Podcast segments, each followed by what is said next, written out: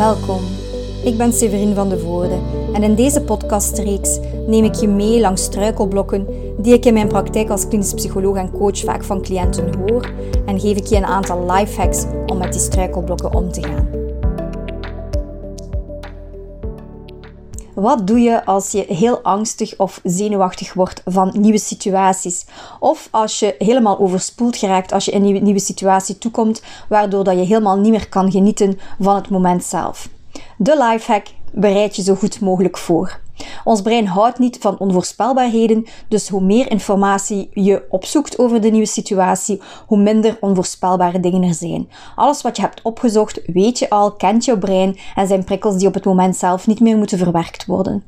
Doe bijvoorbeeld al als je naar een nieuwe plek moet gaan, uh, doe, de, doe de weg eens via Google Maps, via, via Google Street View, check of er parkeerplaats is voor de deur, um, zoek informatie op, op internet en desnoods rij je alles op een rustig moment naar de plek om alles goed in je op te nemen.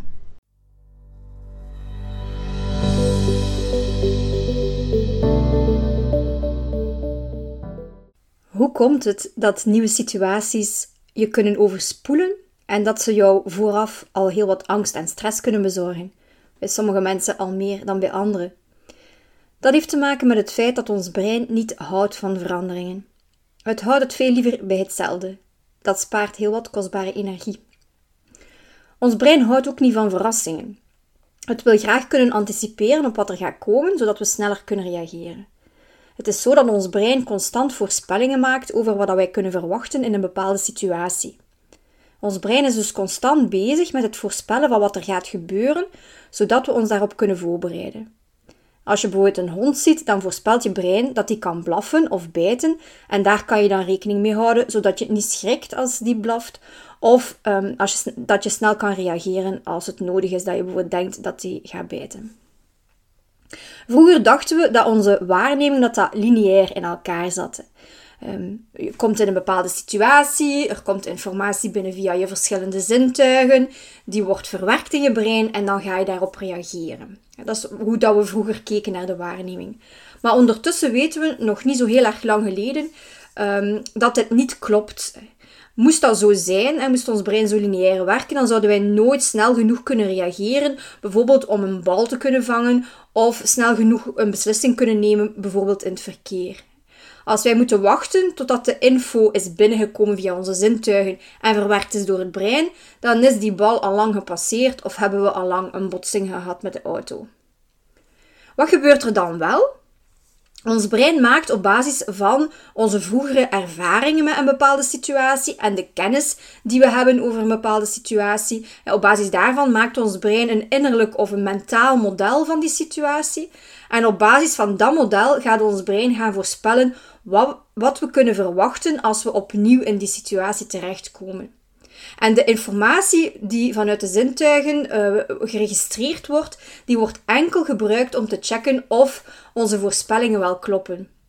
Als uh, info die binnenkomt via de zintuigen overeenstemt met onze verwachting, dan wordt die informatie niet verwerkt, die wordt gewoon genegeerd. Hè. De filter houdt die tegen.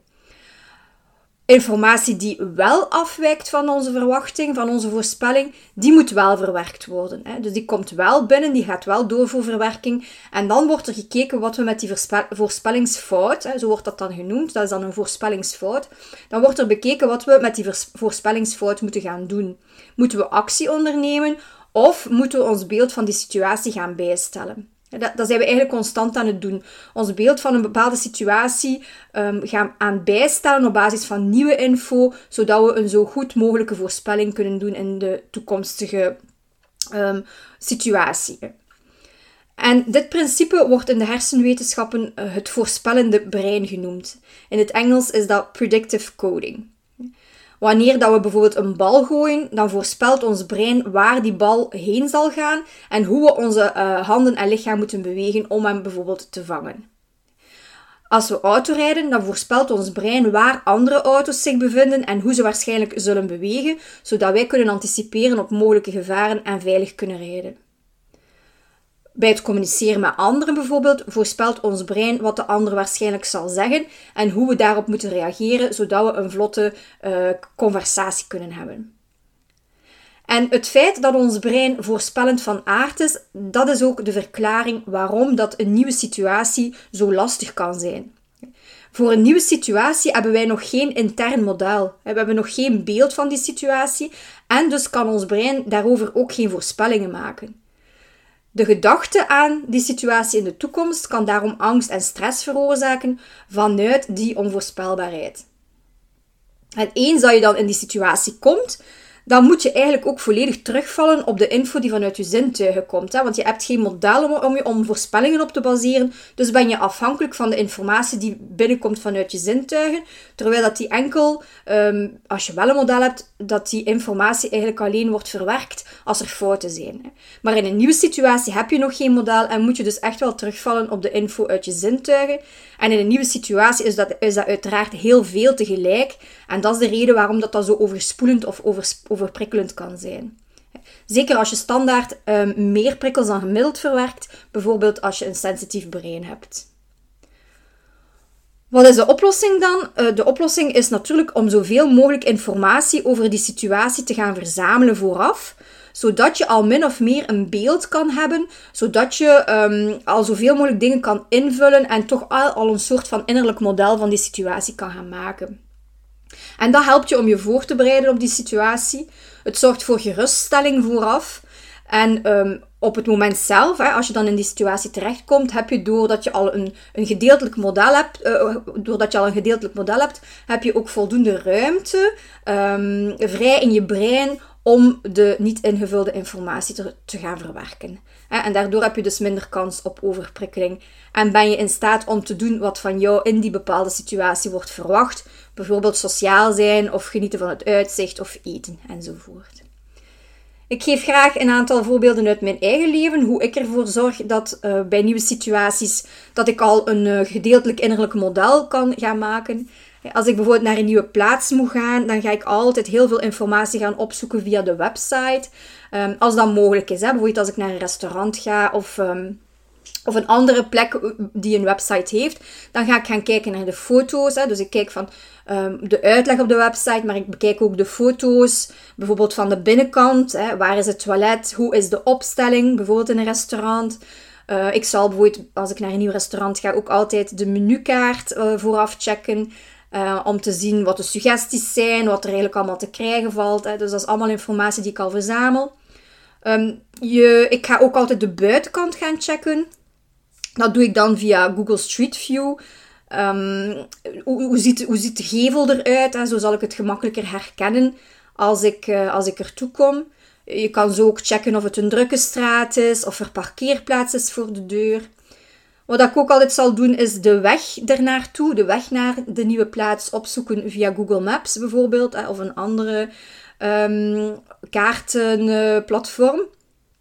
Uh, wat je eventueel ook kan doen, is als je naar een, uh, een nieuwe plek moet gaan en je weet dat dat op een druk moment is, bijvoorbeeld in de spits, dat je de weg alles doet op een rustig moment vooraf, zodat je eigenlijk al een goed beeld hebt van die weg.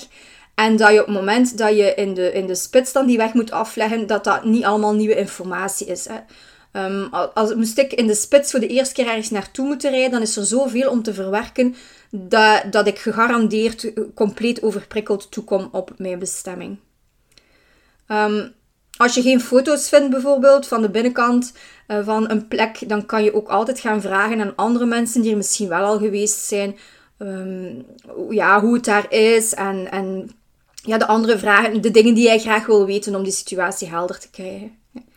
Um, bij onze laatste skireis bijvoorbeeld, we gingen naar een, uh, naar een nieuwe plek, um, dus een, een, een, nieuw, een nieuw gebied, een nieuw hotel.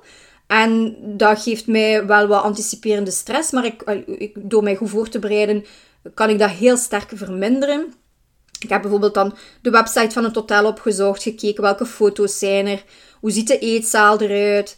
Um, als je niet voldoende foto's vindt op de website, kan je ook altijd gaan googlen naar reviews. Uh, ik check ook altijd de snowcams. Hè, dus ik ga dan de verschillende snowcams gaan checken om te zien uh, hoe het hotel gelegen is op de piste, wat de afstand is tot de liften, welke lift we moeten nemen, um, wat de openingsuren zijn van die skilift.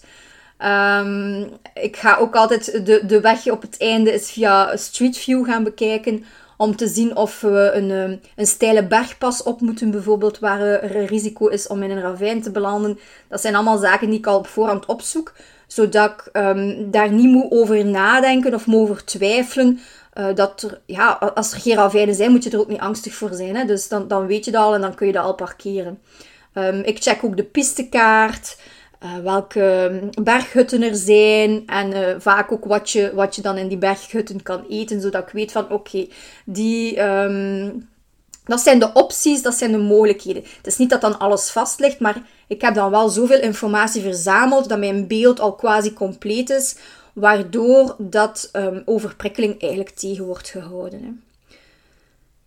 Ja, maar met, met de beste voorbereiding zijn er uiteraard um, in die nieuwe situatie nog altijd heel wat prikkels die je niet hebt kunnen voorspellen, die je niet hebt kunnen in kaart brengen, die dus nieuw zijn en die dus wel moeten verwerkt worden via, via jouw zintuigen. En daarom is het ook belangrijk om, als je dan in die nieuwe situatie komt, om um, je stresslevel laag te houden door goed te focussen op je buikademhaling en jezelf echt de tijd te geven om alles in je, in je op te nemen. Hè? Je, jezelf de ruimte te geven om de prikkels te laten binnenkomen en te verwerken. En onthoud vooral dat het de volgende keer veel gemakkelijker zal zijn, omdat je brein dan een completer innerlijk model heeft van de situatie en je de volgende keer dus beter zal weten wat je kan verwachten. Hoe ziet de ruimte eruit? Wat gebeurt er daar allemaal? Welk soort mensen zijn daar? Hoe moet ik mij gedragen? Enzovoort. Wil je meer info over energiebeheer door rekening te houden met en zorg te dragen voor je brein? Lees dan zeker mijn boek Van Stress naar Veerkracht. Bedankt voor het luisteren. Neem zeker een kijkje op vanstressnaarveerkracht.be voor interessante online cursussen en volg me op Instagram voor gratis waardevolle tips.